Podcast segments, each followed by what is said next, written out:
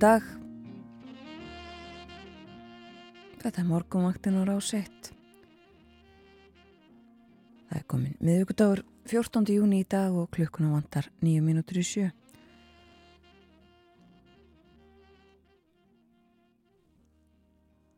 Morgunvaktin á sínum stað og verður til klukkan 9. Við ræðlu að dóttir og Þórun Elisabeth Bóðadóttir.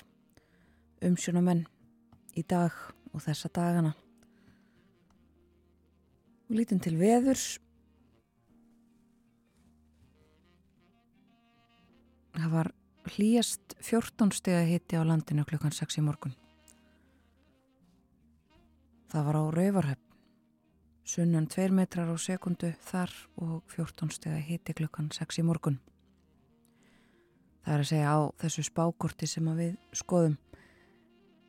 Ekki útlokað að hafa nú verið jafnárið að herri hitti einhver staðar annar staðar líka.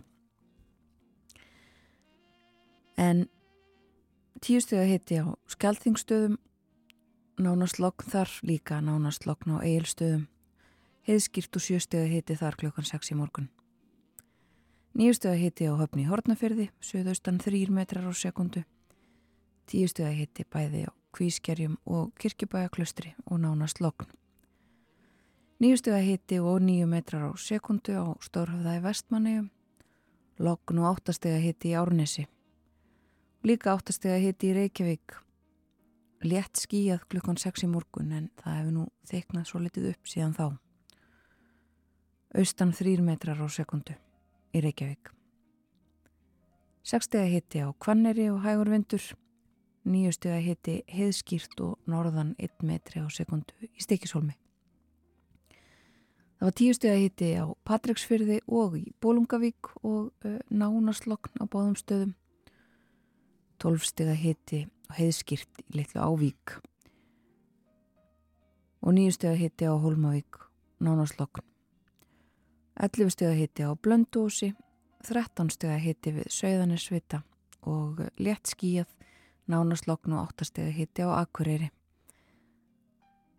og verið mjög svipað á Húsavík nýjustöðu hitti þar og nánast lokn. Og þá er spurning hvernig veðrið verður. Veðurhólfur á landinu í dag uh, spáð austlæri átt þremur til tíu metrum á sekundu og viða bjart en þyknar smám saman upp í dag um landið sunnan og vestanvert með lítilsáttar vætu úr komum minna á morgun hitti 10 til 23 steg að deginum hlýjast eistra. Já, á morgun 50 dag er svo spáð suðaustlagri eða breytilegri átt 3 til 8 metrum á sekundu og að mestu skíjað með smávegi svætu en bjart norðaustan til og líkur á síðdegi skúrum hiti þá einnig 10 til 23 stiga deginum og hlýjast eistra.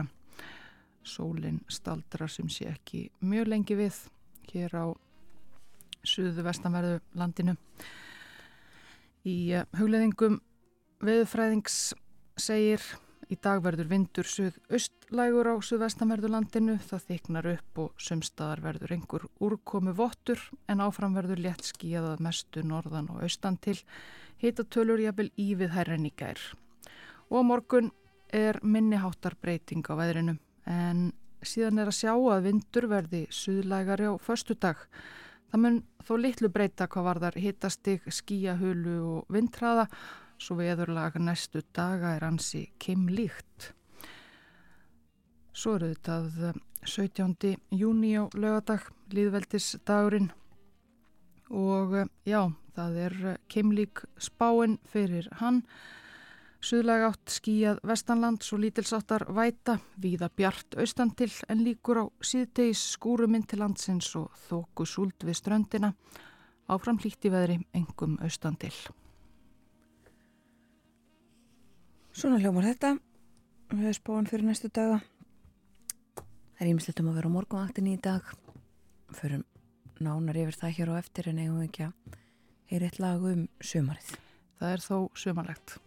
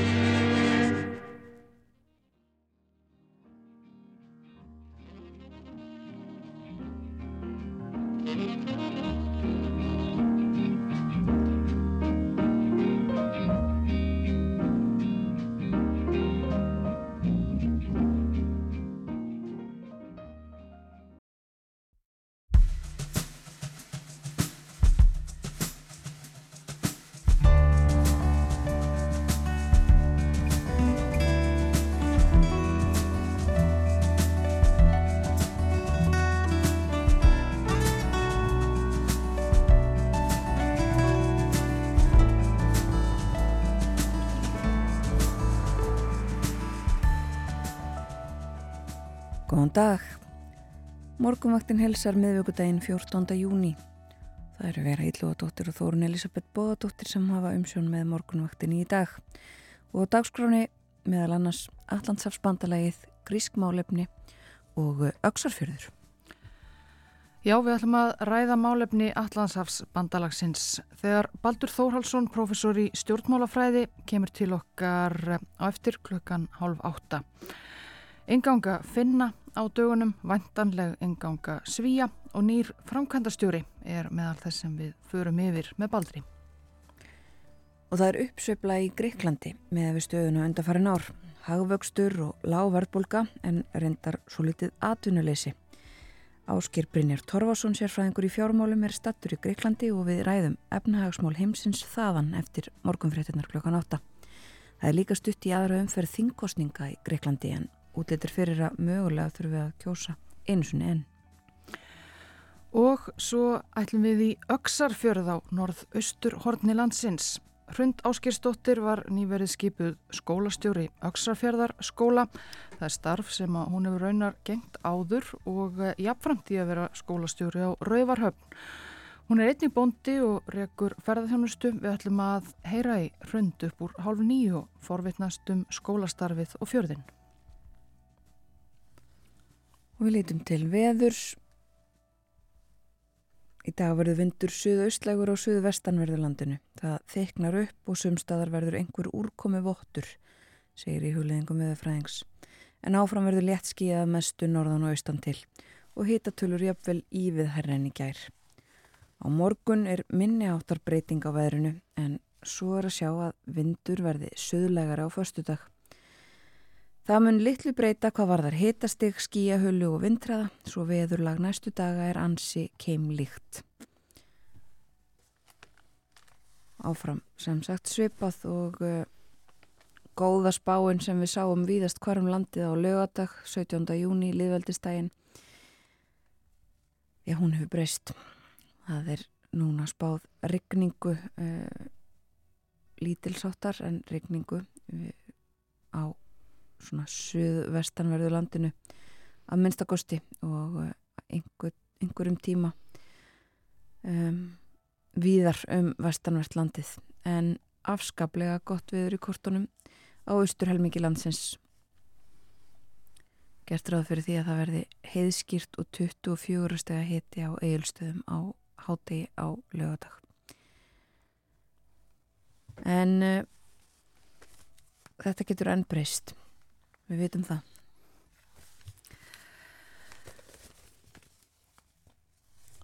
Viðskiptamokkin fylgir eh, morgumblæðinu í dag og fórsýðu frétt blaðsins úr viðskiptamokkanum. Það er eh, rætt við eh, Sæjunni Ósk Unsteinsdóttur, framkvæmda stjóra Hopp Reykjavík um já, það sem kallað er í fyrirsögn stórsókn samgöngu fyrirtækisins Hopp á leigubílamarkað. Fyrirtækið opnar af fullum krafti fyrir leigubíla þjónustu sína á morgun, segir í ja, fórsýðu frétt eh, síðastleina viku hefur fyrirtækið prófað hugbúna þann sem liggur að baki þjónustunni sem er þróaður hér á landi en svipar í mörgu til einar alþjóðlegu tækni sem kent er við fyrirtækið Uber. Og eh, Það sem greinir helst þjónustu hopp frá þeirri sem rótgrónu leigubílastöðvarnar bjóða er að fólk pantar og greiðir fyrir ferðir sínar áður en lagt er af stað. Þetta uh, umdelt mál auðvitað meðal uh, leigubílstjóra og áhuga manna um uh, leigubílamarkað rætt við uh, Sæjunni Ósk í viðskiptamokka dagsins og á fórsýðu. Uh, annars er fórsýðu mynd á Fórsýðu morgunblansins í dag af eh, annars konar samgöngutæki. Það er skemmtifæðaskipið Sky Princess sem láfið skarfabakka í Reykjavík í gær. Innan úr skipinu af eh, konunglegum komusal prinsessu himnana við skarfabakka eins og eh, það er kallað í fyrirsögn. Þessi prinsessa himnana sem ferðast og aðeins um á sjó er 19 hæða flei sem rúmar 3660 gesti auk 1346 starfsmanna. Um borður fjóra sundlegar síningarsalur sem hýsir hátt í 900 manns og gullfallegur komusalur eins og sjáum á, á eh, fórsviðu morgunblæsins e, eh, fáur á ferli í skipinu. Allavega þegar myndi var tekin en það kusumarkir ferðamenn að njóta blíðunar í höfuborginni og meðan tækifæri gafst En skip þetta hjælt til Breitlands í gerkvöldi eflaust von á öðru eins skemmtifæraskipi við Skarabakka von bráðar mikið um skipakomur þessa dana. En á baksíðu morgunblæsins skip af allt öðru tægi. Það er um það byrj 5 tonna trilla Elín frá Bólungavík á baksíðu morgunbladsins er rætt við Ragnar Inga Haldunarsson í Bólungavík. Hann er 86 ára og því með eldstu starfandi sjómönnum landsins. Hann kann best við sig úti á sjó og vil helst hverki annar staðar vera. Segir við Blaðma morgunbladsins það er nóga fiski í sjónum en verstir að það hefur verið helvítis leiðinda ótíð í vor og ekki gefið á sjó. Alltaf vittlust veður og vestan rók, segir Ragnar Ingi. Hann hefur stundat sjómennsku uh, frá 15 ára aldri eða í 71 ár, verið á strandveiðum undanfarin ár uh, og segir hér einnig að í fyrrasumar hafa hann ákveðið að hætta á sjónum og seldi bátinn sem hann átti þá en hins vegar tókst þessi ráða gerð ekki, betur en svo að ég þóldi ekki að vera í landi og horfa á eftir hinnum fara á sjóin. Ég kefti mér því hæggengari og þægilegri bát og byrjaði aftur á strandviðunum og mynda honum um borði í Elínu. Allir bátar Ragnars Inga hafa heitið Elín í höfuðið á móður hans Elínu Þorbjarnadóttur. Þetta voru frettir úr morgunblæðinu, frettir hérðan, við skulum heyra frettir utan úr heimi eftir smástund en fyrst skulum við heyra eitt lag við heyrðum hér fyrir í morgun uh, lagið Summertime. Við erum með hugan við sumarið þó að uh, sumarveðrinu sé miskipt á landinu. Það var Ray Brown uh, og nú ætlum við að heyra annar lag Sunny Road. Og þetta er Emiliana Torrini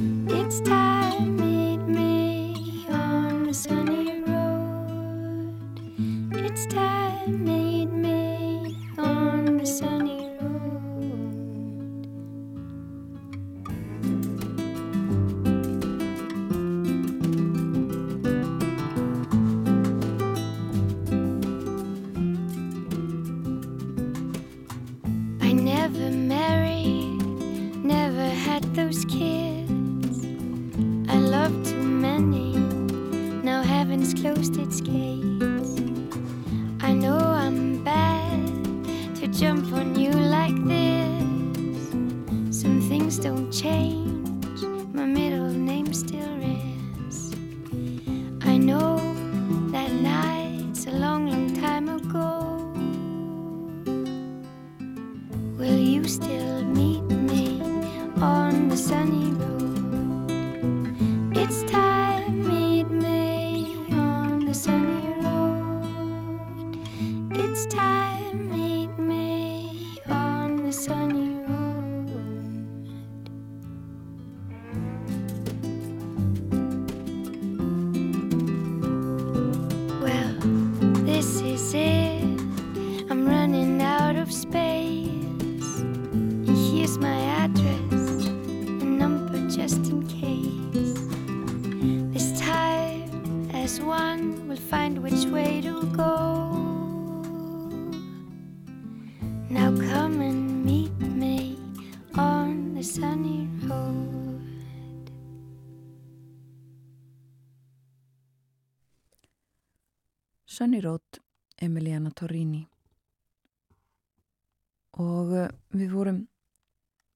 að skoða morgumblaðið hér heima áður við leikum þetta lag og nú ætlum við aðeins út í heim.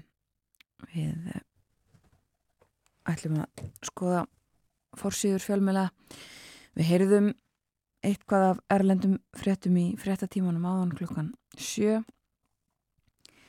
Lítum þó aðeins á fleiri fréttir um, byrjum í Breitlandi þennan morgunin þar eru lang flestar fórsýður uh, bladana með myndir af, af uh, tveimur 19 ára gamlum stúdendum sem að voru myrt í Nottingham í gær ásamt uh, 50 rúmlega uh, bílstjóra líka sem að ekki er myndaður en uh, maður sem að fórum í Nottingham uh, myrti þessi þrjú og, og slasaði þrjú til viðbútar áður en hann var handtekinn af, af uh, lauruglunni og uh, sagt frá því á fórsýðum að það sé verið að uh, já, lauruglumenn séu með opin hug, huga við rannsóknina og það séu lauruglumenn úr hriðiverkadeildum sem sinna hriðiverkarannsóknum sem að séu að aðstóða við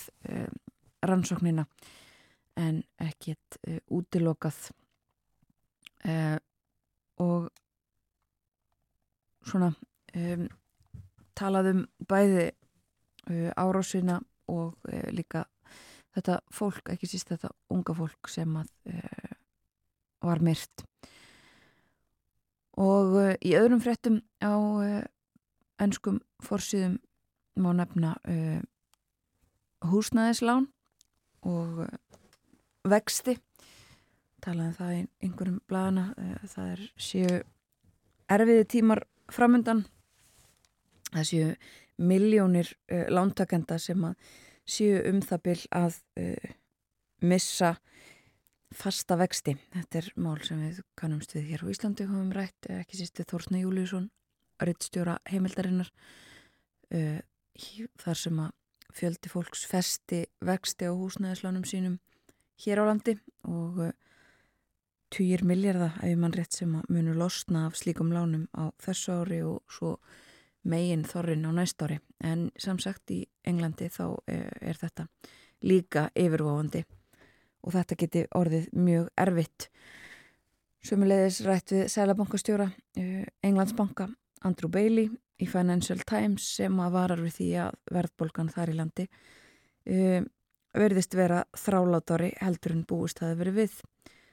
Meðal annars uh, vísaði nýjar tölur sem að sína að uh, laun um, og launahælkanir séu meiri heldur en bankin telur uh, innistæðu fyrir. Og meira verðbólgu það er líka fjallað um hana í sænskum fjölmjölum í morgunsárið hún er mingandi þar í landi verðbólgan mældist 6,7% í mæ í Svíþjóð og eh, fór niður úr 7,6% í april. Þannig að hún uh, gengur niður þar í landi og nýjustu fréttir af því. En uh, annars konar mál á öðrum fórsýðum, uh, það er fjallaðum kínversk og meksikósk mál á fórsíðun á politíkan í Danmarku um, viðskipti þarna á milli. Uh, á þessu ári er útlitt fyrir að Kína verði uh, helsti fjárfestir í Mexiko uh, og taki þar með fram úr bandaríkjunum sem hafa verið það og aðeins af bandaríkjunum Donald Trump fyrirverandi bandaríkjafósiti var um, leittur fyrir dómara eða mætti fyrir dómara í, í gæri í Miami í bandaríkunum í Florida þar sem hann neitaði sög í máli gegnunum þessu máli sem varðar það að hann hafi um, geimt trúnaðagögn tekið fjöldanallana trúnaðagögnum úr kvítahúsinu og þar með hætt á að, að hernaðar lendamál meðal annars eruðu ofinbörið og sömulegðis er hann ákjörður fyrir að hafa hindrað tilraunir stjórnvalda til að ná þessum gögnum aftur komið í veg fyrir það. Og uh, þetta er í fyrsta sinn sem að fyrirverandi fórseti er ákjærður og allríkis stíi hann neytaði sem fyrir segir sög og, og fór svo frá dómaranum í Miami á vinsalan veitingastað þar sem hann hitti stuðningsmenn sína og uh, fór svo þaðan til New Jersey þar sem hann held ræðu og uh, á báðum þessum stöðum. Tjáðan sig um þetta mál gegnunum uh, og það var kunnulegt uh, Nortnaveiðar demokrata versta mála þessum toga nokkur sinni og fleira í þeim dúr. Um, hann fór líka ófögurum orðum um stöðu bandaríkjana þau væru uh, í vondum málum en á veitingastæðanum í Miami þá var sungin fyrir hann ammælisöngurinn hann er 77 ára gammal dag. Og þetta þetta ekki eina málið uh, gegnunum eins og hlustundur morgumvaktarinnar þekkja. Um, hann er líka í deilum og uh, fyrir dómi í New York ríki. Þar eru það uh, fjármólin sem að eru eru til umfjöldunar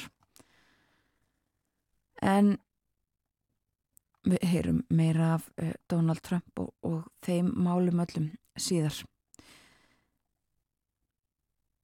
Skulum segja þetta gott af erlendum frettum í byli. Við ætlum að ræða um Allandsafsbandalægið uh, hér eftir nokkra mínútur. Baldur Þórhalsson, professor stjórnmálafræði, er væntanlegur til okkar. En heyrum eitt annað lag. Við heyrðum Emilionu Torini áðan, Sunny Road og hér kemur annað lag af sömu plötu. Þetta heitir Nothing Brings Me Down.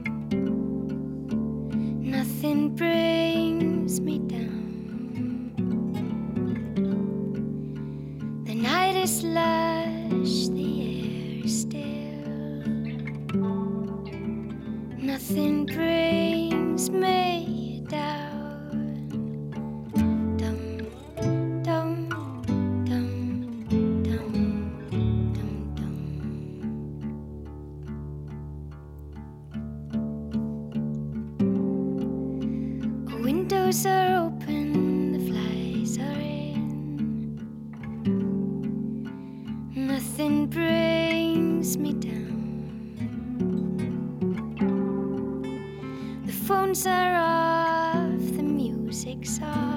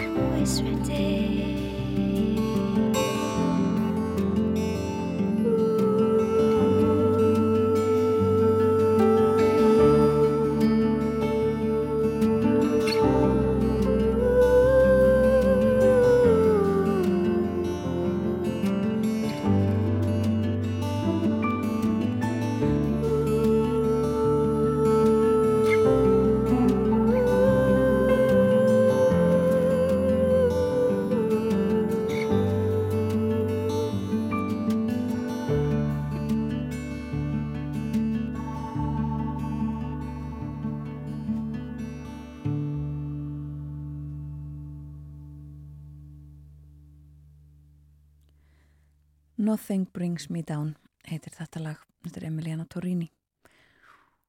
Og uh, við förum að hleypa fréttastofinni að það líður að yfirleiti morgun frétta heyrum kannski af því þar uh, sem að vara berast í morgun uh, fréttir frá flottamannastofnun saminuðu þjóðuna sem að segja að fjölgun fólks á flótta hafi orðið veruleg í fyrra um, það er sé þannig að það hefur aldrei fleiri verið á flotta í heiminum en á síðast ári. 110 miljónir tæplega. Það skýrist af stríðun í Úkrænu og líka af endurskoðuðu mati á fjölda afganskra flottamanna augnýra átaka sem hafa blossað upp sérstaklega í Sútan og allt þetta veldur þessu að það eru tæplega eða í kringum 110 miljónir manna á flotta í heiminum fjöldum kannski meirum þetta síðar en hleypum auglýsingum og svo fréttastofunni að og svo verður hér með okkur Baldur Þóraldsson, professor í stjórnmálufræði við ætlum að ræða um allansarfsbandalegið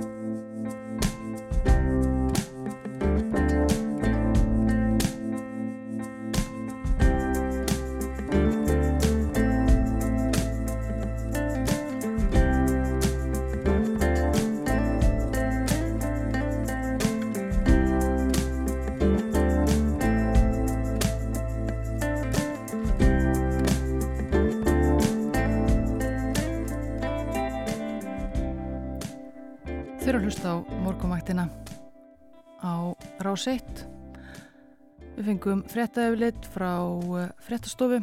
Klukkan er orðin rúmlega hálf átta. Það er miðugdagsmorgun 14. júni. Og við minnum að það hér á eftirverðu með okkur Áski Brynja Torfarsson.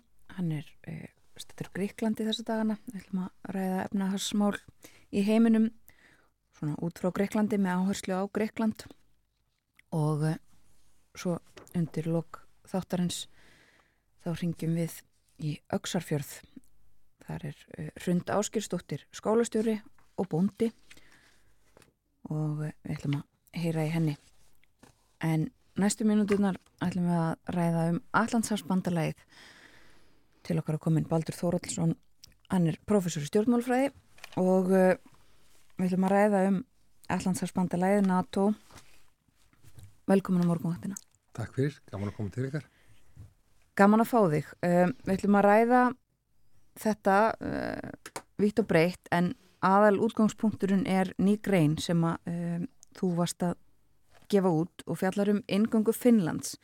Finnar urðu í april uh, 31. ríki Allandshagsbandalagsins og það var uh, bara rétt um ári eftir að ákvörðum var tekin um að sækjum aðelda að bandalæginu og þetta þótti sæta nokkrum tíðindum uh, finnar og svíjar líka hafa alltaf haldið sig utan við Allandshagsbandalægið uh, þanga til núna og það hefur yfirlega verið talað um það þessi ákvörðun ríkina um að sækja um aðild sé um, já bara svo ég vitni uh, nokkrar hérna heimildir í, í þessari grein ykkar að tala um uppeyju, uh, mikla stefnubreitingu og, og þarfram eftir gödunum. En í þessari grein sem fjallar um yngangu Finnlands þá eru færður auk fyrir því að, að það sé ekki alveg svo leiðist. Þetta sé í rauninni meira bara svona eðlilegt framhald eða áframhald um, á þessu uh, ferli sem Finnar hafi verið í að hvað ég var að segja frá lókum setni heimstyrjaldar.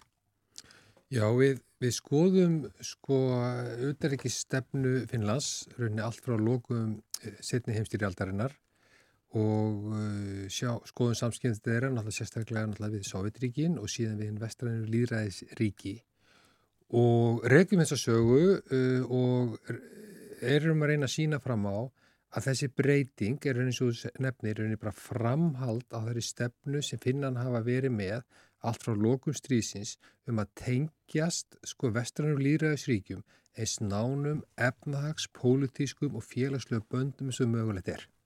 Þeir voru vissulega bundnir í báða fætur vegna svo kallar vinasamnings við Sovjetríkin mm -hmm. sem þeir fannst að vera nöðbúðir til þess að gera, til þess að raunin bara halda sko, sjálfstæði sínu og, og verði ekki svona leppríki í Sovjetríkjana eins og til dæmis Ungverðarland og Tjekkslóvikja og, og fleiri ríki í austrinu. En á sama tíma þá reyruður öllum árum á því að tengjast vestrinu efnaðslega og félagslega fyrst á tíma kaldastriði sem þeir gáttu þeir til dæmis gengu í sko, alþjóðabankan, alþjóðagjaldir í sjóðin, tóku þátt í gatt fyrstu skrefunum. Þeir gerðu fúlbrætt skipti samning við, við, band, við bandaríkin. Þeir lögðu mikið kapp á það að, að, að fá að taka þátt í norrætni samvinnu e, e, og, Norðurlandaráðunni sem stopna 1952. Vísu stoppuðu Sovjetríki til að byrja með, finna fengi ekki fara inn fyrir þremur ánum síðar Þannig að, en, og, og svo gerðu þeir, fengur aukaðald að efta e, 1961, þannig við regjum þetta, hvernig allt miðaði þessu að binda sér svo nánu böndu við vestrið að það væri rauninni miklu erfiðar að fyrir Sovjetríkir að taka landi yfir ef að kæmi til átakamöndu austus og vestus, að þeir væri rauninu orðin hluti af vestrinu. Og þetta rauninni gekk það vel að þremu mánuðum eftir sko fall Sovjetríkjana þá sækja finnar um aðeld að Európa-sambandinu og aðeld að viðröðu við Európa-sambandi tók ekki um átjar mánuði. Já. og það er mjög flóki ferli. Þannig að þeir gáttu upp að gengi þeir voru búin að vinna alla grunnvinnuna. Já. sama síðan gerir síðan eh, í hérna e, eftir fall músins og í, eftir lokaldastrýsins þremu mánuðum eftir innrás allsýri innrás Rúslands í Ukrænu sækja um aðeld að NATO. og fengum við alveg ógna hraða yngöngu vegna þeirra grunnvinni sem við vorum búin að vinna. Einmitt. Þannig að það, þeir hafa verið í rauninni undirbúinir undir að þetta gæti þurft að gerast, búinir að vinna alla vinnuna. Þeir voru rauninni orðið e, svo nán tengdir sko NATO, þeir voru rauninni orðið aðil, aðilir allt, allt nema nafninu til, ef maður segja, segja sem svo og Sko strax á loknum kaldastriðinu, strax árið 1992, bara þegar rétt eftir að múrin er, er fallin, þá til dæmis faraðar að kaupa F-18 orustuþóttur á bandaríkjón. Þeir farað e, og, og kaupa vopn frá vestræðinu líðræðisríkjum, þeir gera herin þannig undibúin og, og út, útibúið þannig að hann getur unnið og starfað með herjum vestræðinu líðræðisríkja, NATO-ríkja og bæði innan Evrópusambandsins og þeim, og þeim frumkvæði sem Allarsarsbandalagi var með, varandi öryggi varnir, þeir tóku þótt í öllu sem gáttu tekið. En á þess þó að, að ganga inn og ástæðan fyrir því ganga ekki inn í sambandið eins og til þess að Póland gekk inn með fyrstu stakkurinn til austus var svo að þeir voru, vissu sko, þeir vildu halda vináttu sambandi við, við, við Rúsland og þeir voru náttúrulega að vona eins og öllir vestra líraðs ekki á þessum tíma að það er því hægt með auknum viðskiptum, menningatengslum og diplomatísku tengslum að vinna með rúsnesku stjórnvöldum og þar myndi koma betra líðræði og, og, og okkur hér í vesturum myndi ekki stæði ógna rúsneska byrnum. Það voru menna vonast til með þessari, þessari saminu Já. og sko finnar líka gengu ekki, það má líka spyrja, akkur gengu er ekki inn þá inn í NATO þegar rúsar réðust inn í Georgi 2008 eða tók yfir Krímska 2014. Akkurat. Jú, þeim stóð ennþá ekki sjálfum ógn af uh, rúsneska hernum. Það var, lág ekki í loftinu þá hugsaðlega að rúsneski herri myndi sko leita til vestus og, og ætla sér að taka yfir Finnland. Þetta eins að breytist allt raun í aðdraganda innrásar Rúslands í, í Úkrænu.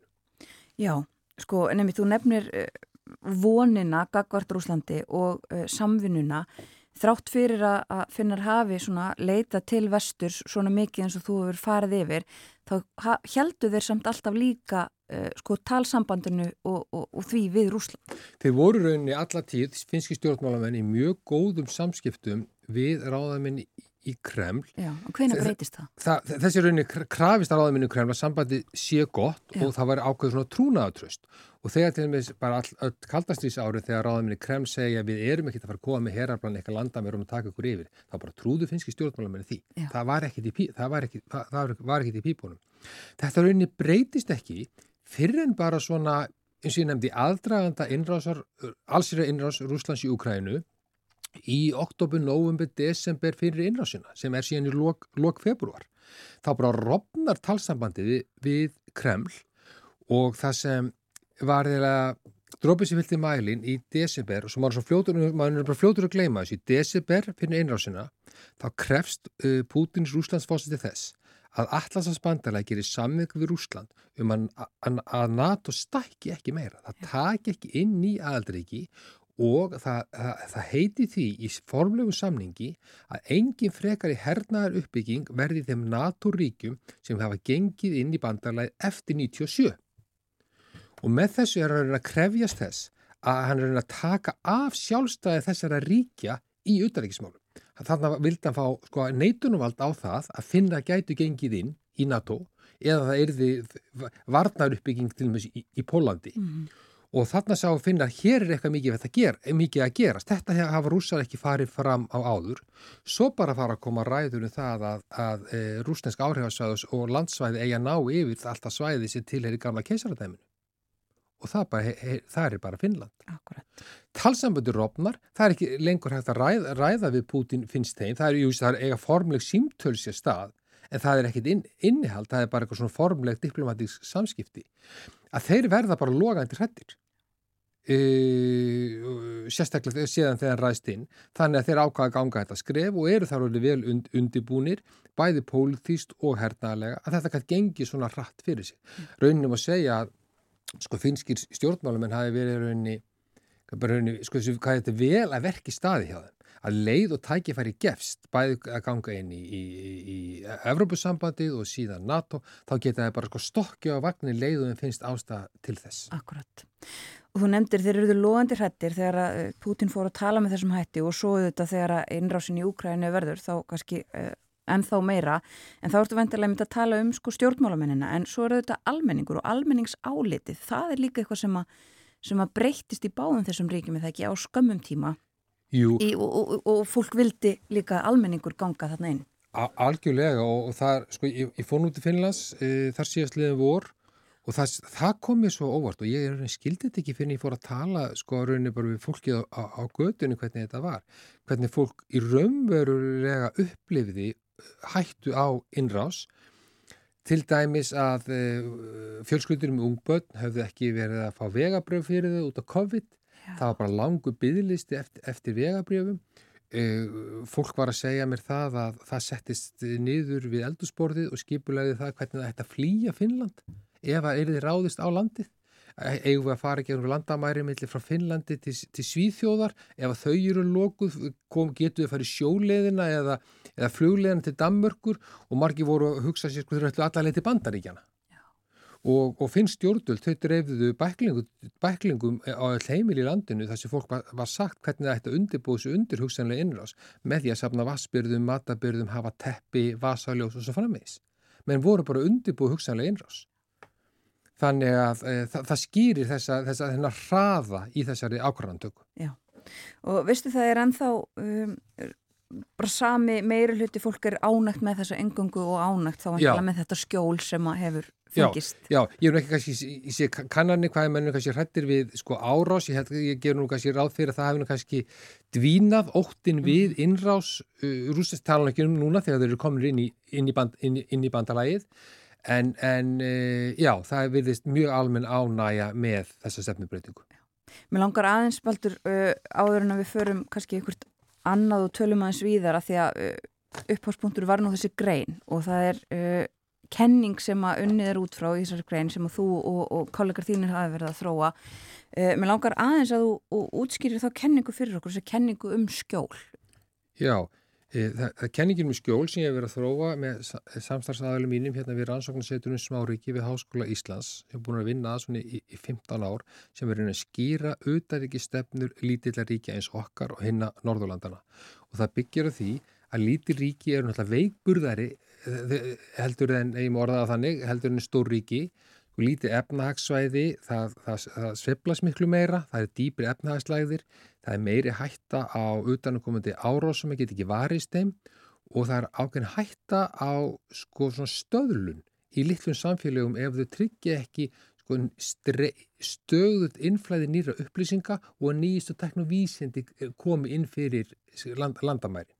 Þannig að vegna þessara e, struktúr einkjana lítilla ríkja þá er mjög mikið vegt á okkar mati að þau njóti skjóls starri ríkja eða alþjóðstofnana og skjólið fælst til dæmis í tilfelli Íslands í vartansamlingi í bandaríkin eða all Íslands að Allasars bandalæginu stakka markasvæðið, við erum hluti að Evrópumarkaðinu með, með EES og kannski sko félagslega og menningarlega eru tengslega okkur við Norðurlöndin e, svo, svo sterk. Við erum að tengja okkur við gildi og viðmið Norðurlandana, flytjum innraunin á sínu tíma Norranna velferðarkerfið og, og setjum það hér, fáum aðgang á Norranna velferðarkerfinu ef við förum til hinn að Norðurlandana og ég veit bara í rannsók sem ég gerði fyrir nokkrum árum sko þegar bæði ríkisútvarpið er sett á, sett á fót, þjóðlugúsið er sett á fót, voru fyrirmyndi stopnarnir á Norðurlöndunum. Við nótum bara fyrirmyndur og þá fóru aðeins sem var að setja þessar ríkistofnarnir á fót, mikið var á stopnarnir, fóru til Norðurland til að sjá hvernig hinn í gerðu þetta. Mm -hmm. Við lítum á rauninni sem skjól, sem stóri bróðir,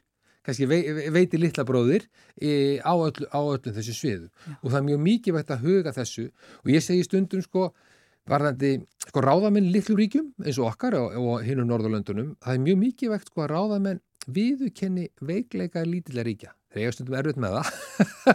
Þeir eru þáttið stórir vegna þess að sko það er hægt að, að vega upp á móti þessu veikuleikum þú, þú, þú breytir ekki því að lítið hækir í sveplast mikið en þú getur vegið upp á mótiði með starra markasvæð og ýmsum aðgerðum Þannig að, að og, og þá er þetta bjóða upp borgurum upp á jafngóð eða ekki betri lífskjör og í stórum samfélögum. Já. Þetta er svona kjarnin, kjarnin í þessu. Og svo sett öll Norðurlöndin uh, leita skjóls þó með ólíkum hætti sé. Al, algjörlega Já. og tilfelli Finnlands þó þeir gætu ekki formlega sótti í þetta skjól sem helst var að finna á tímu kaldastrýsins eins og NATO aðild eða Európusambands aðild þá gengur svo langt að rauninni skjóli var til staðar að öllu leiti nema nafnunu til Já. og það er það sem við erum að benda á þessu sem hefur kannski glemst í umræðinni því að það hefur kannski verið svo mikil einblít á sko, hlutleysi stefnu finna og svíja hvað hún skipti miklu máli mm -hmm. og við erum alltaf að horfa á hernaðilega hliðina við erum að horfa á því hvernig sko, þessi efnaðslega og,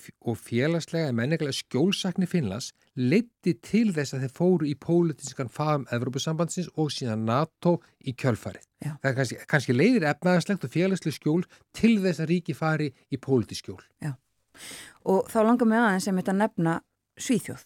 Þessi greinu um Finnland og, og Sví er ekki enn orðnir uh, aðlar að NATO en þeir eru líkt á Finnlandi mitt eh, eða kannski líkir Finnlandi að mörguleiti hafa haldið sér fyrir þetta NATO eru í annars konar Európusamvinu um, er hægt að heimfara margt af því sem að þið hafið tekið uh, varandi Finnland á uh, Svíþjóð? Eða er þetta bara gjör ólíkt vegna uh, já, mismunandi aðstæðna þetta gjör, sért já, landfræðilegra og, og fleiri. Nei, það er þetta heima að fara mjög margt. Við höfum eða, erum búin að skrifa greinum um, um, um uh, Svíðjóð og NATO og hef, hún hefur verið samtitt til byrtingar, hún bara, ekki bara búin að byrta hann eða þá. Margt er líkt en, en það er líka eins og nefnum margt ólíkt. Sko. Það er lengri saga, hlutleysis saga finna, enni fyrir Svíja nær 200 ár aftur í tíman og þeir geta þakka það mörguleiti hlutleysis stefnu sinni að þeir hafa ekki verið í strísátökum allan þennan tíma og í Svíþjóðir hefur, var hlutleysið bara hluti orðið bara sjálfsmynd þjóðarinnar, sérstaklega sjálfsmynd jafnaðamanna og, og, og stjórnenda jafnaðamannaflokksins. Þannig að þetta var erfiðar að skref fyrir Svíja að stíga að sækjum allt allarsasbandalæðinu en það tóku finna frumkvæðið, mjög aðtæklusist. Þeir gáttu, gáttu það frekar út af þessum þáttum sem ég var að nefna í, í, í Svíþjóð. En svo er kannski ekki alveg sko Hlutleysi síja, jú, það skipti miklu máli og þeir voru uh, upplugt ríki og, mikið vægir til þess að vera svona uh, byggja brú á milli vestus og austus og tala fyrir fríði og, og saminu. En sko svo höfðuður líka þegar maður fer að skoða þetta betur, þau höfðu svona öryggistrykkingu frá bandarækjónum. Allt á 1952. Þá, lof, þá rauninni bak við tjöldin, þá lofa bandarækjamenn að verja svíðhjóð komið til þriðju heimstýraldarinnar. Komið til átakamöndu austus og vestus, munu bandarækjum verja svíðhjóð og í stuttumála var ástæðan svo að bandarækjumenn e, töldu að Svíþjóð mætti alls ekki falla í hendu óvinnarins, Sovjetiríkjana, vegna þess að Svíþjóð var fallið, þá var, var óvinnarsveitir komin að landamöru Noreg sem verði ekki. Þú verði ekki landamæri mellir Noreg og Svíþjóðar. Nei. Þá er, sko, hefur Sovjeturíkjum komin inn í Noreg, þá eru komin inn í Norður Allarshafið, þá er Ísland í hættu, þá eru þeir komin á östuströnd bandaríkjana. Já. Þannig að bandaríkin voru aldrei að láta Svíþjóð falla í hendur óvinnarins ef að hefðu komið til þrjú heimstýrjaldarinnar. Þannig að það var sko gátu lefti og við teljum þetta inn í skjólskenningunni þeir leituður inn í skjólstu bandarækjana á þess að segja það, það var bara gert bak við tjöldin skilur þeir töldu sér ekki alveg geta það bæði heima fyrir út af hlutleysinu þeir gáttu ekki orða þetta við, við almenning í rauninni. Og þeir vildu líka reyna byggja, byggja, byggja brýr á milli og verða málaminnur aðeili sem var líka mjög mikið vægt á tímu kaldastrýsins og, og bóða fríðaskapin og þeir gáttu ekki náttúrulega gert þetta í nafnu hlutleysins sem var kannski ekki eins mikið hlutleysi bak við tjöldinum að skoða, skoða það. Akkurat, já, einmitt. Uh, Mér langar aðeins að spyrja það líka baldur áður en að við sleppum þér um ekki mikið tíma eftir um, um sko það er tíðund að vænta því hver verður næsti framkvæmdastjóri NATO, allansásbandalagsins. Uh, hversu miklu máli skiptir það hver verður fyrir valinu í, í þá stöðu? Jú, já það er nokkuð, nokkuð góð spurning. Uh, jú, auðvitað skiptir það uh, heilmiklu máli og, og kannski hvaðan hann, hvaðan hann kemur sko því að eh, breytar til dæmis sko, ég hvernig ná maður að orða það eru og breski ráðamenn, ég sé nú að varnamálar á þeirra Breitlands, kemur alveg klárlega til greina hana, Ben Wallis e, til greina hafa staðið mjög, mjög þétt við bakið á Ukrænu í þessum stríðs átökum og breytar eru mjög harðir í horna taka og vilja, vilja spyrna við fótum þegar það kemur að uh, í raun útþenslu stefnu Pútins og, og, og Rúslands. Þannig að uh, það mun styrkja þá innan allarsafsbandalagsins sem, sem, sem vilja og bara telja mjög mikið vægt að, að, að herfaðast enn frekar og, og að rúsnins stjórnu skilji ekki nefna full, fulla hörku, fulla, fulla mótspyrnu. Svo eru kannski aðri sem vilja þá telja kannski frekar að reyna svona horfa frekar á það að, að, að stíga varlega til jarðar í að, að senda vopp til Úkrænu mm. uh, og, og nálgast það þannig sko. það, jú, auðvitað skiptir það máli Já. en þó náttúrulega ríkin ráða ferðin við meðum ekki gleyma því og, og það er náttúrulega eru bandar ekki bera höfuð og herðar yfir alla. Já, akkurat, þannig að það er það sem skiptir áfram málið. Já, það er náttúrulega ríkin sem stjórn þessi ára ferðinni, þau eru miklu áhrifa meiri og sérst, sérstaklega bandaríkin, mm -hmm. en auðvitað svo náttúrulega hinn stóru ríkin skipta, sko, eru líka náttúrulega gríðarlega öllu, Breitland, Þískaland og Frakland. Akkurat. Við fylgjum með því, það kemur í ljós innan tíðar uh, og rétt í lókin, lókun sendir ás Íslands í Moskvu, að við erum komin inn í Úkrænu og uh, þau mál um, já, áhrifin og afleðingarnar því, hvað segir þú um, um þau mál? Já, voru það ekki neta árásanir í gær? Akkurat. Neta árásanir í gær á, á, á, á ríkistofnanir uh, sko ork, allt orka tímalist þegar gert er vegna þess að uh, við getum með þessu sínt raunin í rúsnesku stjórnvöldu fingurinn, við erum raunin að vísa sendið þeirra Rúslands af, af landi Ég held að við getum gert þetta í ljósi e, smæðar okkar. E, bæði vegna að við höfum að minni hagsmunni að gæta. Það er örfáir íslenski ríkisborgarar í, í, í, í Rúslandi og, og samskiptir eru mjög lítill við Rúsland. Þetta er mjög erfiðari fyrir starri ríki eins og, og Svíþjóð eða, eða, eða Danmörku.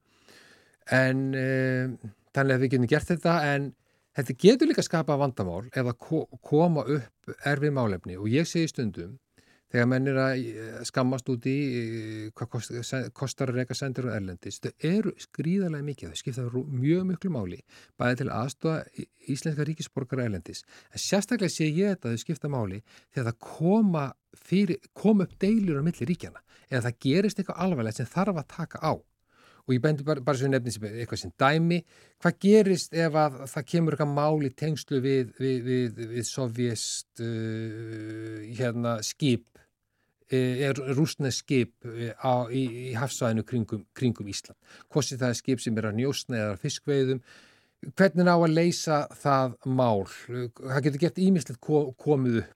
Það, það, er, það er kannski staðsettur ofan sæstreng, skiljiði. Hvern, ætlum við að fara að ringi sendi hér að Norrjús og byggja hana aðstofa okkur? tala bandareikin kom inn í þetta. Það er mikið, mjög mikið vegt að halda áfram opinni línu til við ráðamenn í Kreml og byggja upp tengst þannig að þú getur ringt í ákveðin aðil og tala við þá þrátturir þráttur þeirra hrylling sem, sem ráðamenn í, í, í Kreml eh, já, standa fyrir í Ukrænu. Við getum líklega haft því hér í allan dag en tímin eru þróttum kæra þakki fyrir að koma til okkar á morgunvaktina Baldur Þóraldsson, professor stjórnmálfræði. Takk fyrir.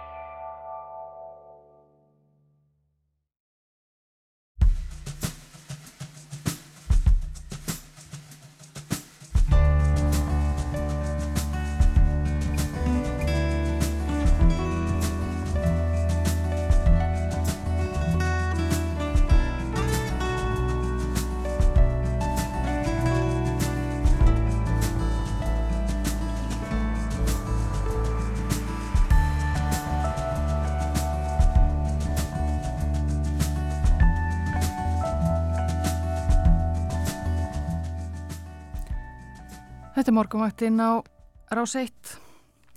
Morgun frettinnar að eh, baki klukkan er eh, tefar 6 mínútur yfir 8 meðugudaginn 14. júni. Við rættum hér aðan við Baldur Þóraldsson, professor í stjórnmálafræði um málefni Allandsafs bandalagsins og já, meira um alþjóðamál og við ætlum að halda okkur út í heimi. Við erum með á línunni Áskir Brynjar Torfarsson, sérfræðing í eh, fjármálum. Kondur sæl Áskir. Góðan og blæsaðan daginn. Þú ert stattur í, í Greiklandi í, í uh, Aþenu ekki satt? Jú, ég er í Aþenu núna og, verður að heyra þess að ferðum landið á undan. Og vendarlega í, í sól og sumar ill þar? Já, klukkan er nú orðin 11 hér og, og uh, þittin er farin að nálgast 30 gráðunar. Já, það er, það er vel heitt.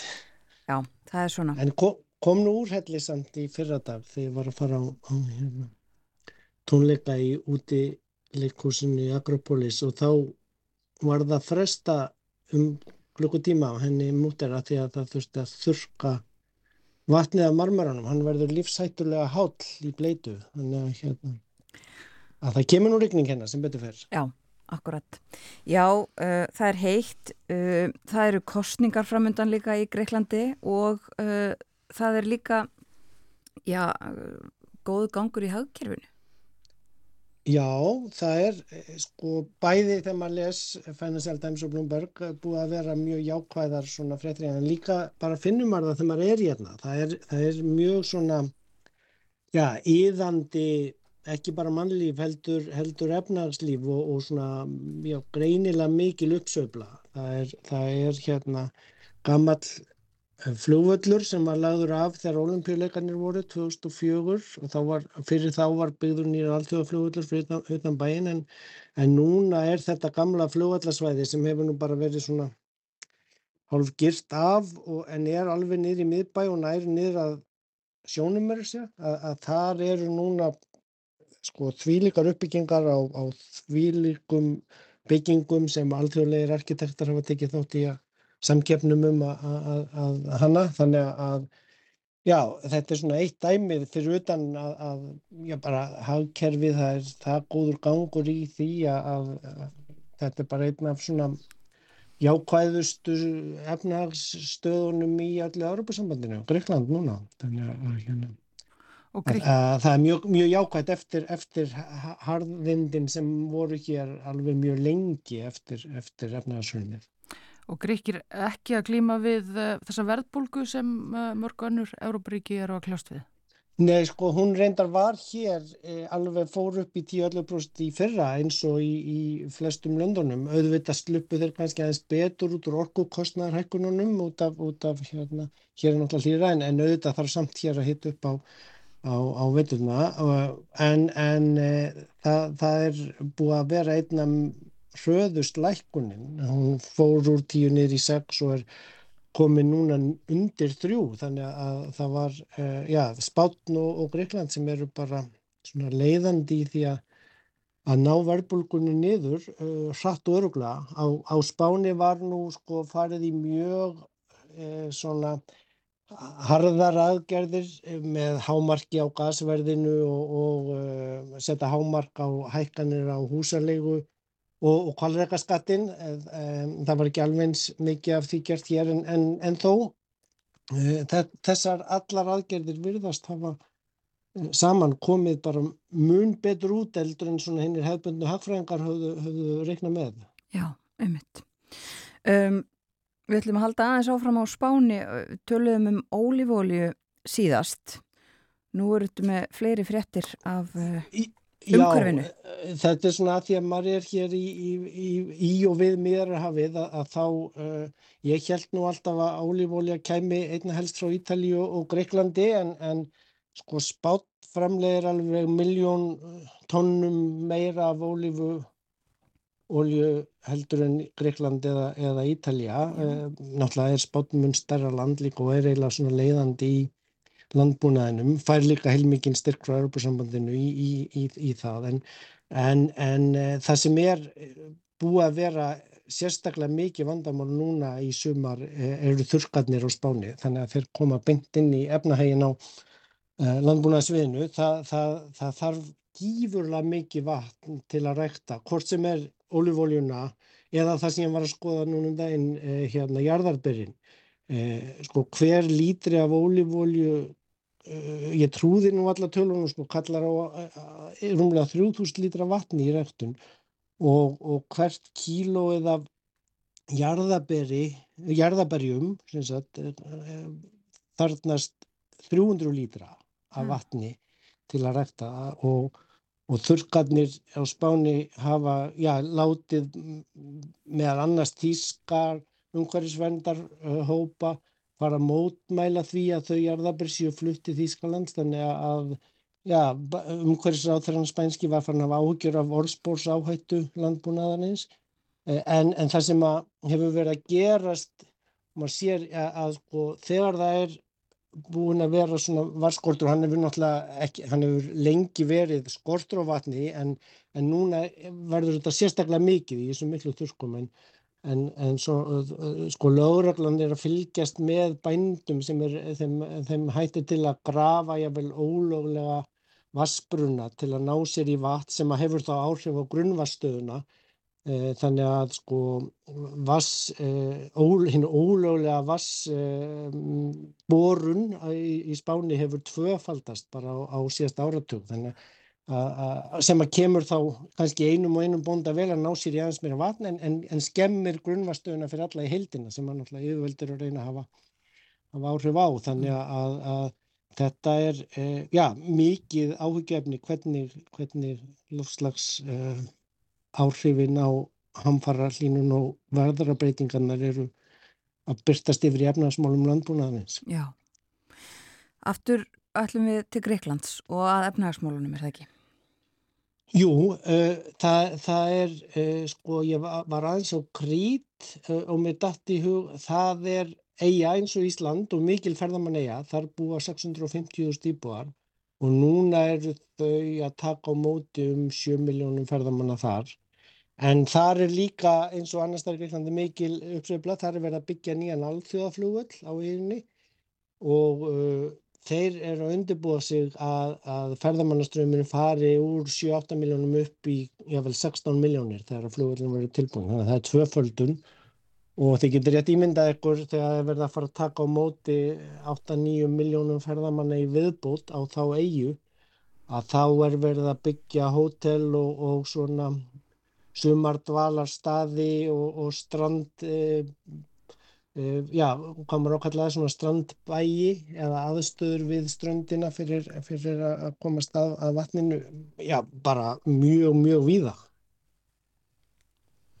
Uh. Já, einmitt. Um, sko, við ætlum að tala aðeins meira um, um þetta, um, um efnagsmálinu og um uh, stöðuna. Sko, við vorum að tala um, við vorum að tala um skatta síðast og þú varst auðvitað síðast á Ítalju, við ætlum að líka þar, eh, tala eins, blanda þessu aðeins saman.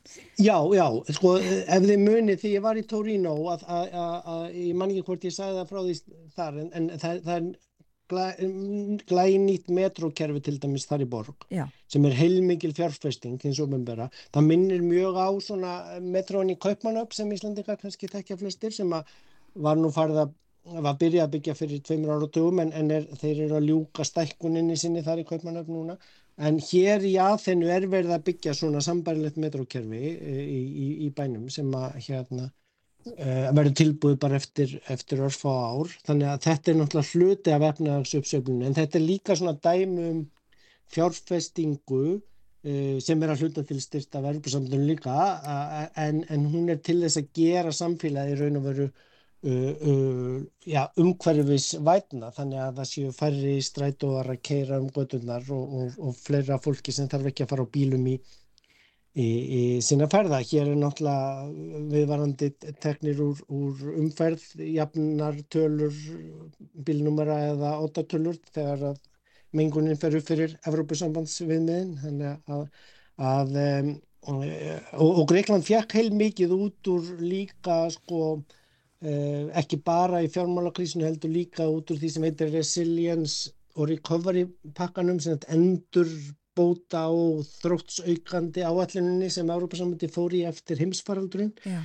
Þannig að Greikland fekk einhverja 30 miljardar efra þar átján í styrk og 12 á láni þannig að það, þarna er svona já, mjög mikið lágast lág að fjárfestingarnar skilir sér í, í betra samfélagi og loftslagsvætni e, útkomu og, og að svo fjárfesting býði ekki þó að sé verða kljást við að borga niður komlu skuldinar en reyndar er búið að ganga ótrúlega vel hér að greiða niður skuldinar ofnbæra skuldi lækkuðum 20% stig bara í fyrra. Þannig að náttúrulega úr, úr mjög háu þeir voru yfir 200% af landsfæðarmislinni en, en, en þetta gengur vel að lækka skuldina bæði í verbulgunni og með því að hafvöxturinn og efnagslífið stækkar og, og nefnarinn vex og þá, þá er þetta með lágum vöxtum líka auðveldara að vinna sjútur vandanum og láta það gerast yfir, yfir langan tíma og Greikland náði í fyrra líka að, að vera með jákvæðan frumjöfni sem það heitir þar að segja að láta útgjöldin vera undir um, teikjunum sem er blá. Já, þetta er heið ofinbera. Hvernig er með, með skuldir almennings? Jú, það var síðan svona annar, annar samanburður. Ég var að bera svolítið saman síðast Ítalíu og, og Norðurlöndin. Það er rétt að, að benda á að sko skulda um, uh, hlutfall almennings er miklu harra í, í norðurluta Evrópu heldur en hérna í sögurlutunum meðan að skulda hlutfallins ofinbera er, er lægara í norðurinu og, og harra hér í söðurinu en ef maður leggur það saman þá er munurinn mun minni eh, og, uh, og aftur þarna skiptir síðan líka máli bæði um, maksta kostnæðurinn af skuldunum uh, fyrir almenningu fyrir í óbera en, en líka hvað þið óbembera er að, er að rukka inn í, í skatta og Greikland er til dæmis að rukka mun meira uh, af sinni landsframleyslu inn í skattaheldur en til dæmis Ísland um, um 39% meðan að þið eru um, um 35% Já. Um, og en, en eh, skuldir eh, almennings bæða á Ítalíu og hér á Greiklandi eru, eru undir 60% af landsfæðanleistunni meðan að, að til dæmis í, í Danmörku er þetta eh, yfir 100% og, og Hollandi og Sviss líka. Noregur uh, og Svíþjóð eru þannig rétt undir 100% þannig að, að um, ef maður tekur svona skuldir eins ofinbæra og skuldir almennings þá eru kannski í norðurinnu uh, uh, 150% meðan að, hér í söðurinnu er þetta kannski samtals um, 200% sem að, sem að eins og Ítalíu skuldir almennings og, og hins ofinbæra samtals eru. Um, en uh, svo eru kostningar í vendum í Greiklandi, hvernig eru horfurnar þar? Jú, sko, þetta er, þetta er búið að vera uh, mjög mikið umræðinu hérna og svolítið mismunandi eftir hvernig maður talar, hvað fólk segir, ég bæði tala við hérna rakarinn sem klifti mig og, og legubilstururna en, en uh, það, það sem gerðist í kostningunum sem voru núna í mæ að þá var eiginlega ekki farið í neinar stjórnarmyndunum viðraður heldur bara strax bóða til nýra kostninga Eh, af því að eh, nýja liðræðið, sem sagt flokkur eh, hans Mitsotakis sem er búin að vera við völd frá 2019 sem er svona miðhægri flokkur og búin að já, fá mjög jákvæða umfjöldum frá efnaðarsliðinni að, þeir voru fjórum sætum frá því að ná meiri hluta en, en, en það var nefnilega breykt af sagt Tispas og Sýrisa þá var kostningakerfunu breytt. Þannig að núna eftir síðustu kostningar þá tekur nýtt kerfi gildi uh, og uh, meða við að þeir fái eins uh, fylgja þá munið þeir fá meiri hlut út af svona bónussætum eða uppbútar þingmönnum eða hvað það er nú kallað á Íslandi. Þannig, þannig að það er svo sem líka að gerast að, að Sýrisa sem var svona rótækur vinstriflokkur sem kom í kjölfar efnagskreppunar að, að þeir töpuðu meirinn 10% fóru niður í 20 og gamli vinstriflokkurinn e, Pasok að hann er svona að vaksa en, en þessir tveir stóru vinstriflokkar saman eru þó ekki að ná meiri hlutanum af um, nýja liðræðisflokknum sem er um 40% en með þessum uppbótar þingmannum, þingmannum mun ná meiri hluta þingsæta í þinginu ef að, ef að kostningarnar fara eins og kannanirnar eru lítið út núna. Þannig að, að þetta er, þetta er já, svona svolítið eins og að rótteknin frá tímum efnastrengingarna sé aðeins uh, að tapa og, og, og hlutin er að fara meira í átt af því hversu mikið góðari fylgir uppseflunni en auðvitað e, sér maður líka í efnaðsuppseflunni að það er mikið af erlendri fjárfestingu hér, maður sér það á eigunum er sér mjög mikið af auð, auð fólki sem er að byggja sér mjög stórar uh, villur og, og já, enga klúpa fyrir sneggjur og, og, og sólarstandir þannig að það, þetta, er, þetta er eh, mjög svona gaggrínt meðal hluta almennings. Þannig að til dæmis ein aðgerðin sem að sem að Mitsotakis fór út í var að, undirbúa enga rekstur á, á sum af stóru söfnum hérna og starfsfólki þar er til dæmis núna í svona hálfgerðum verkvöldum eða, eða er að draga mjög úr vinnu sinni þannig að að þetta er ekki e, þetta er ekki alveg einsleitt þó, þó að svona í efnarstölunum lítið þetta allt, allt mjög vel út og það eru auðvitað líka búin að vera ymsir skandalar á báða bóa í, í bæði til vinstru og höfri í, í, í politíkinni. Já, þannig að það er svona, það er talsverð uh, óvisa fyrir þessar kostningar og, og það hefur áhrif á, á efnahægin líka. Uh, já, það er, sko, það er óþægilegt þegar það líkur ekki fyrir. Ég reikna með að, að ef að uh, hægri flokkurinn, nýja liðarsflokkurinn hans mistakis haldi áfram völdum uh, að þá verði efnæðslífið mjög svona áframhaldandi í, í, í uppseflu hvernig það gengur síðan að koma því út í, í jöfnuðin í samfélaginu verður, verður síðan að, koma í ljós. En, en það er allavega það er allavega mjög mjög, mjög svona jákvæður andi bæði í ferðarþjónustinu og í, á uppbyggingarsviðinu. Það, það, en, en svo kemur þar eins og líka annars þar er bara verið að byggja á, flugvallar, á gamla flugvallarsvæðinu ný, nýjar luxusýbúður fyrir uh, auðfólk og er bara verið að byggja nýri við ströndina uh, aðgang fyrir, fyrir snekkjur en, en ekki fyrir um, almenning það er svona já, hinn hliðin á, á, á, á uh, tölunni Emita, við fylgjumst eflaust áfram eh, með þessu. Eh, þakka þér kærlega fyrir spjallið í dag Ásker Brynjar Torvason í aðinu. Takk fyrir mér.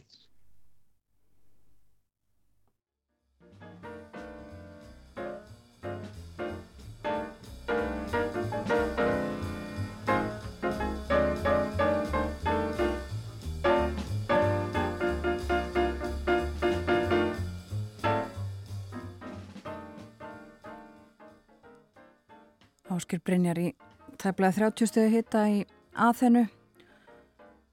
Nú ekkert svo langt frá því sem er spáð á eigilstöðum næstu daga.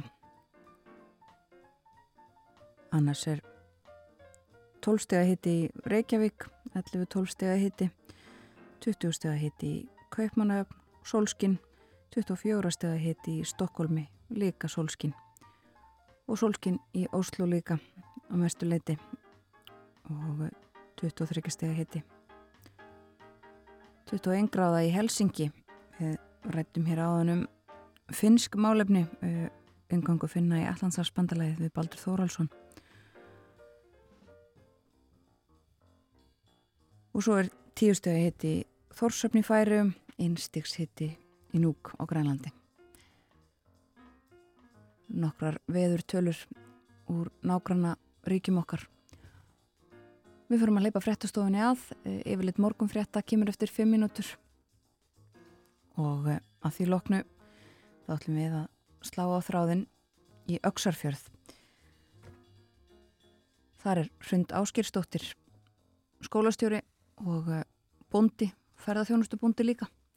Við ætlum að ræða við hana eftir nokkra mínútur.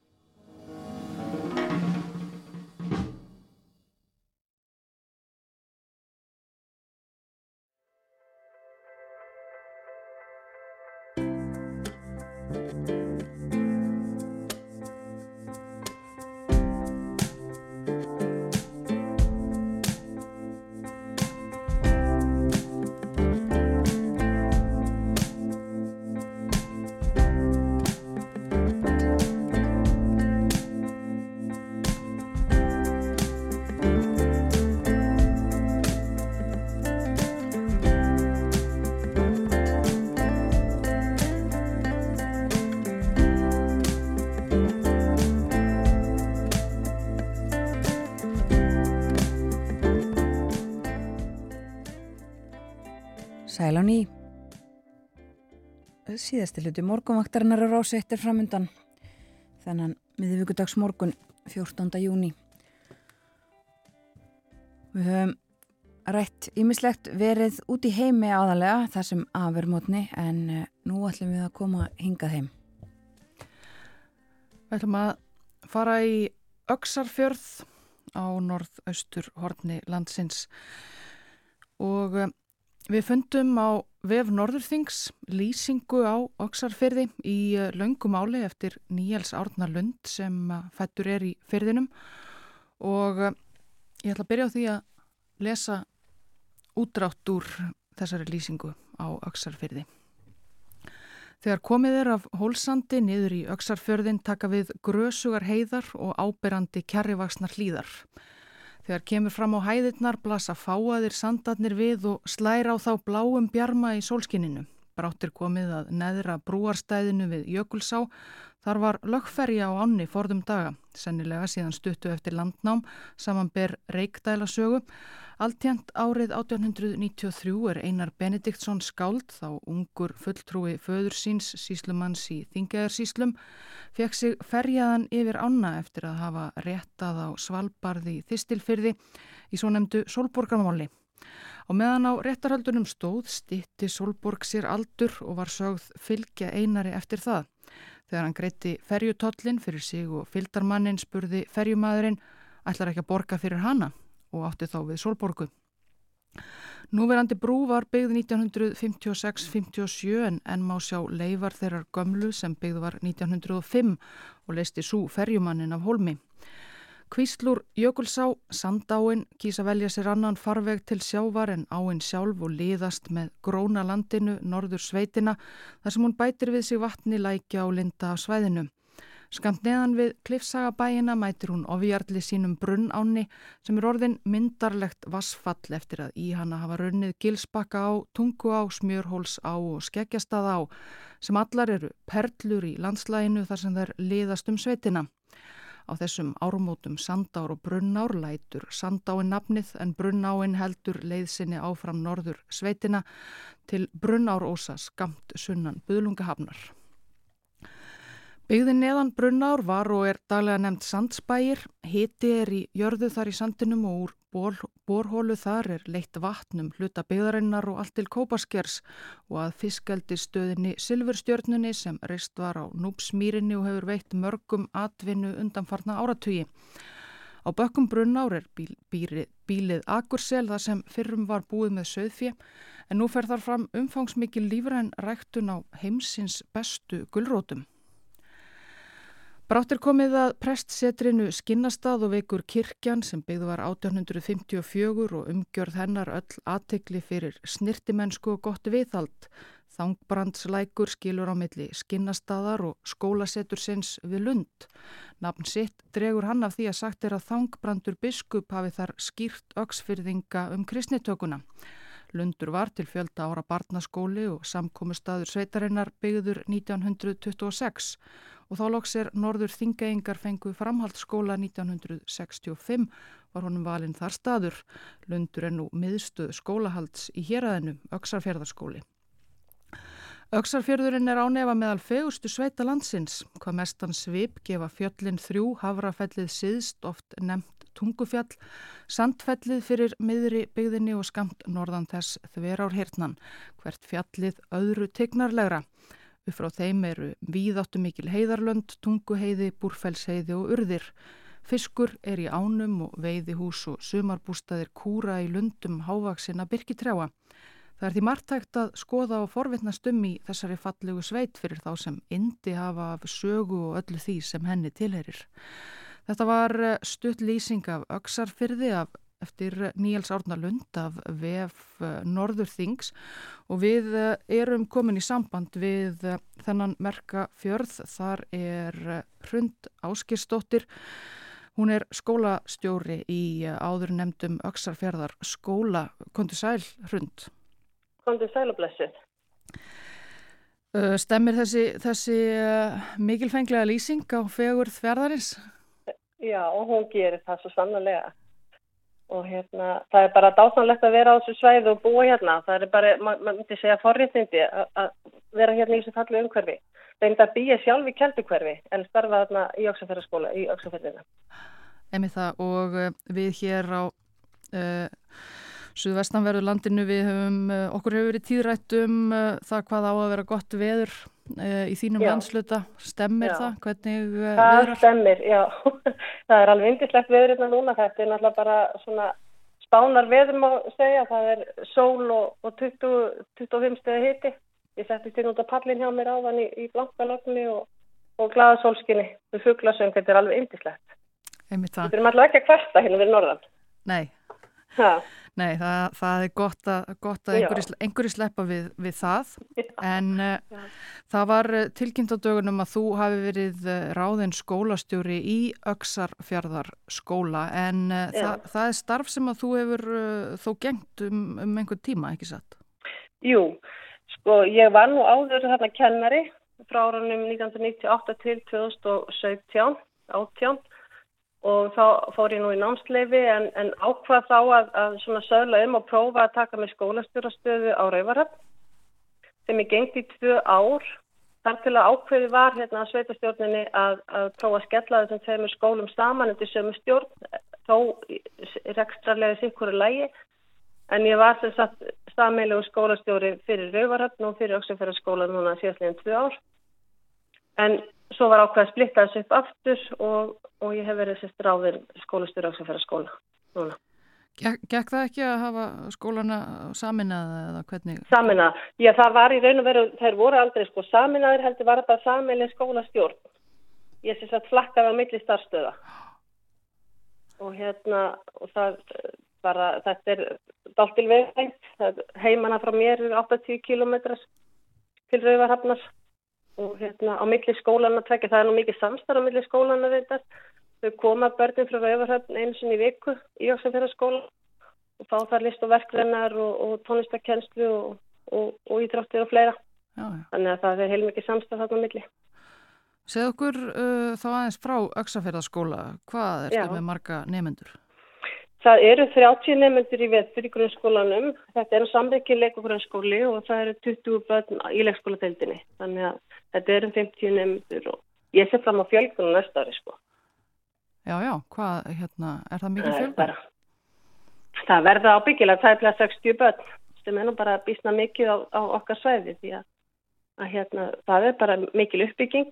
Þú last þarna áðan í inganginum um, um Silvistjórnuna sem að hefur veitt mörgum atvinnu en nú heitir þetta samherja fiskaldi og þeir eru að töfalda alveg hjá sér stöðina og svo er annað fiskaldisfyrirtæki en líka sem heitir Rivos ygur fiskaldis östfjörða þannig að er, það er heilmikil uppbygging á svæðin alveg frá keldukverfi út og kópasker.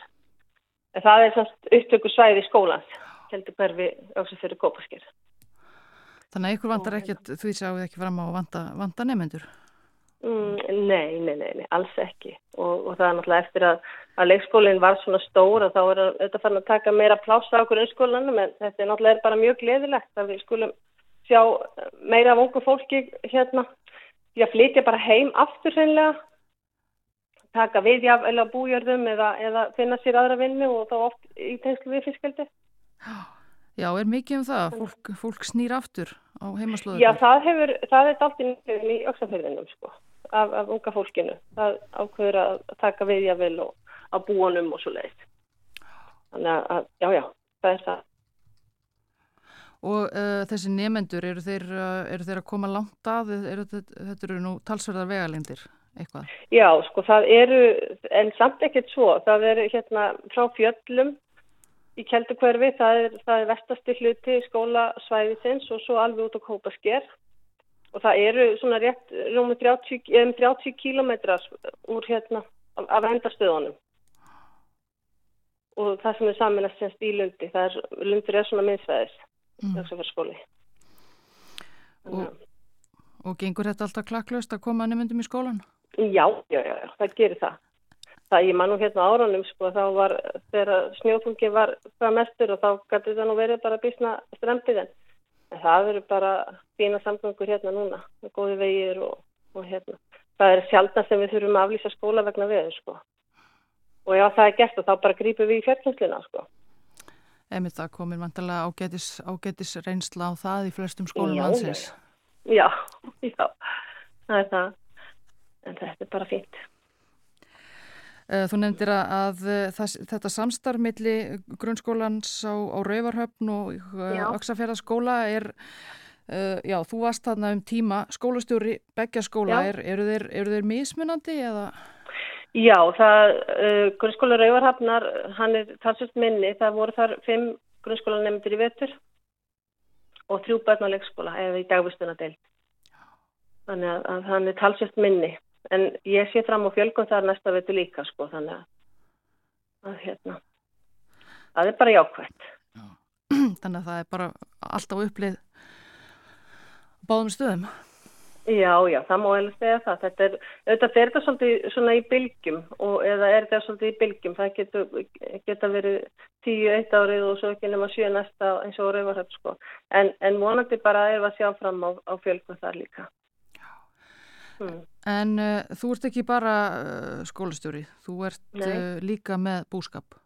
Já, við erum með búskap hérna hjónin á hóli Kjeldurferfi og hérna bóndin sé nú að mestuleiti um það nema ég er náttúrulega með svona álagstíðum. Við erum með hérna rúmulega 600 fjár og 80-90 nöytgripi sem við erum með í eldi og, og svo er eitthvað ferðarþjónustu líka. Við eigum hérna aðra jörð í sveitinni, garð í Kjeldurferfi og erum með gistiheimili þar sem er í ekstra svona mestuleiti bara við sumari og svo höfum við líka verið, erum við skórekt í 150 högturum sem við erum búin að fullgróðsitt í. Þannig að það lítur að vera nóg að gera? Það er alveg nóg að gera, já, já. Við hefum alltaf aldrei kvartað þetta nationalisti. Nei, uh, já, þið eru með uh, ferðarþjónustu, eru, eru ferðar með mikið á ferðinni þannig í sveitinni? Þeir eru mjög mikið á ferðinni, já og hérna og bara náttúrulega í þessu fallegum hverju við náttúrulega erum með ástyrki hérna bara við tónfótinn hjá okkur sko. Þannig að, að, að það er mikið sótt á þetta svæði. Og svona undurfallegt eins og, eins og við höfum heyrt lýsingar hér Undurslegt, já, já það er það. Og þetta er alveg frábær staðu til að búa og, og friðsalt og eins og ég segist oft það er forriðtind að fá alaböndin sín upp í svona fallegu umhverfi og góðu Sjálf er ég nú hérna fært uppalinn í, í hérna Reykjavík, eða bjólengst af í Kópóinu og hérna flutti hérna norðin 1988 og, og ég segi það bara, ég er sjónum kelkur einhver sko, hringa einhver Já, langar... og eftir mín að líka þar. Já, þannig að þið, þið langar ekkit aftur í Kópóinu? Nei, nei. Mér finnst rosalega gott að koma. Mér finnst virkilega gott að fara söður og, og heimsækja þetta fólki mitt og, og allt það en, en hérna, hérna vil ég bara vera. Og sér fram að, já, sér fram á að vera þarna áfram. Já, ég gerir það. Búin að koma upp mínu börnum og svo ég tvei barnabörn á Húsavík og um að koma aftur til okkar um helgar. Þannig að, hérna, já, já, mér finnst það alveg einslegt það, hérna. Ég har reyndað tvo drengi sem er búa fyrir sunnan. En eins og ég segi, það er alltaf gott að fara til Reykjavíkur og fara söður og, og heita fólki sitt, en alltaf gott að koma tilbaka aftur. Uh, ertu í sumafríi núna frá skólastjórnarstörfum eða hvernig er það? Mm, nei, ég er nú ekki alveg fann í sumafríi en þá. En ég sé fram á það kannski eftir næstu viku. Það komast í frí.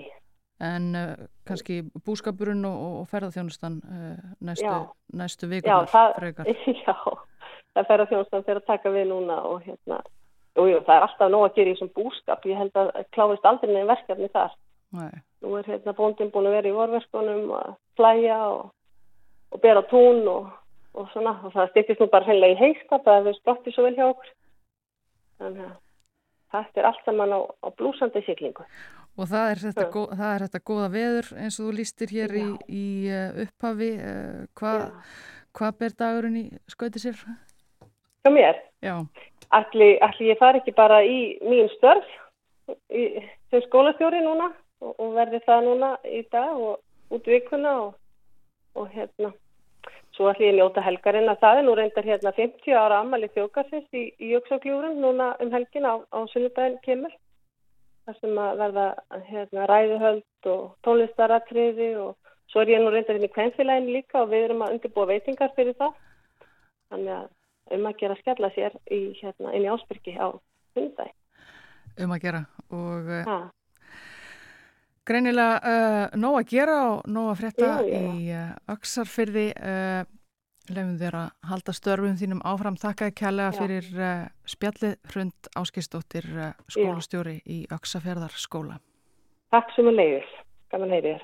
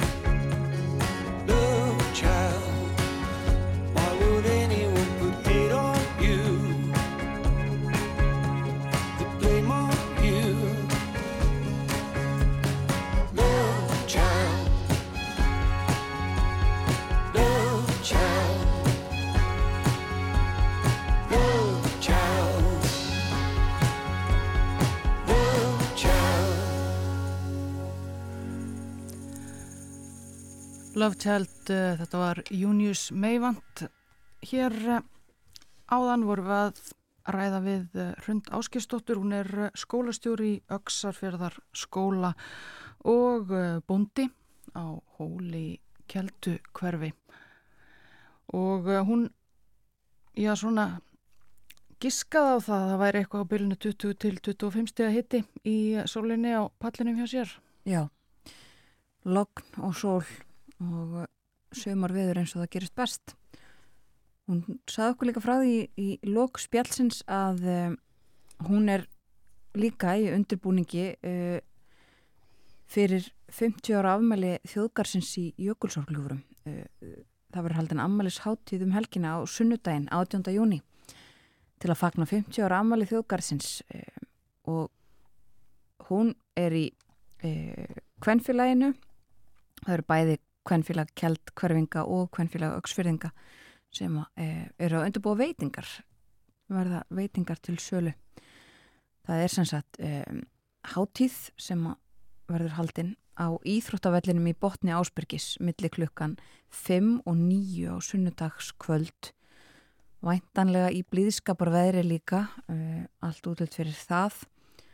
Það er sem sagt uh, hátíð uh, svona vísun í Ásbergis hátíðir sem voru stór hlut af mannlifi svæðisins á síðustu öld þar sem var meðal annars kefti íþróttum, haldna ræður, bóðu upp á veitingar og dansað undir hömrum Ásbergis og eins og segir í e, tilkynningu um hátíðina það er því laga bjóða til hátíðar í þessu hjartasvæðisins í tilefni 50 ára afmælis þjóðgarsins og það verða góðu gestir.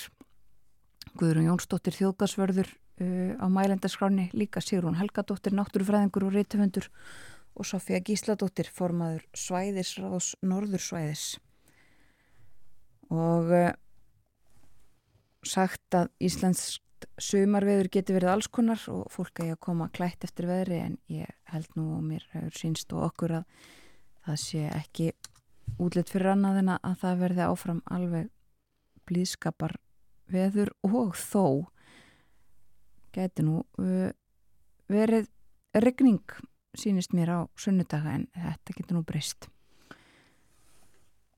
Sínir okkur bara það er mitt að það er við öllu að búast uh, á í íslensku sömarveðri eins og uh, öðrum á öðrum árstímum.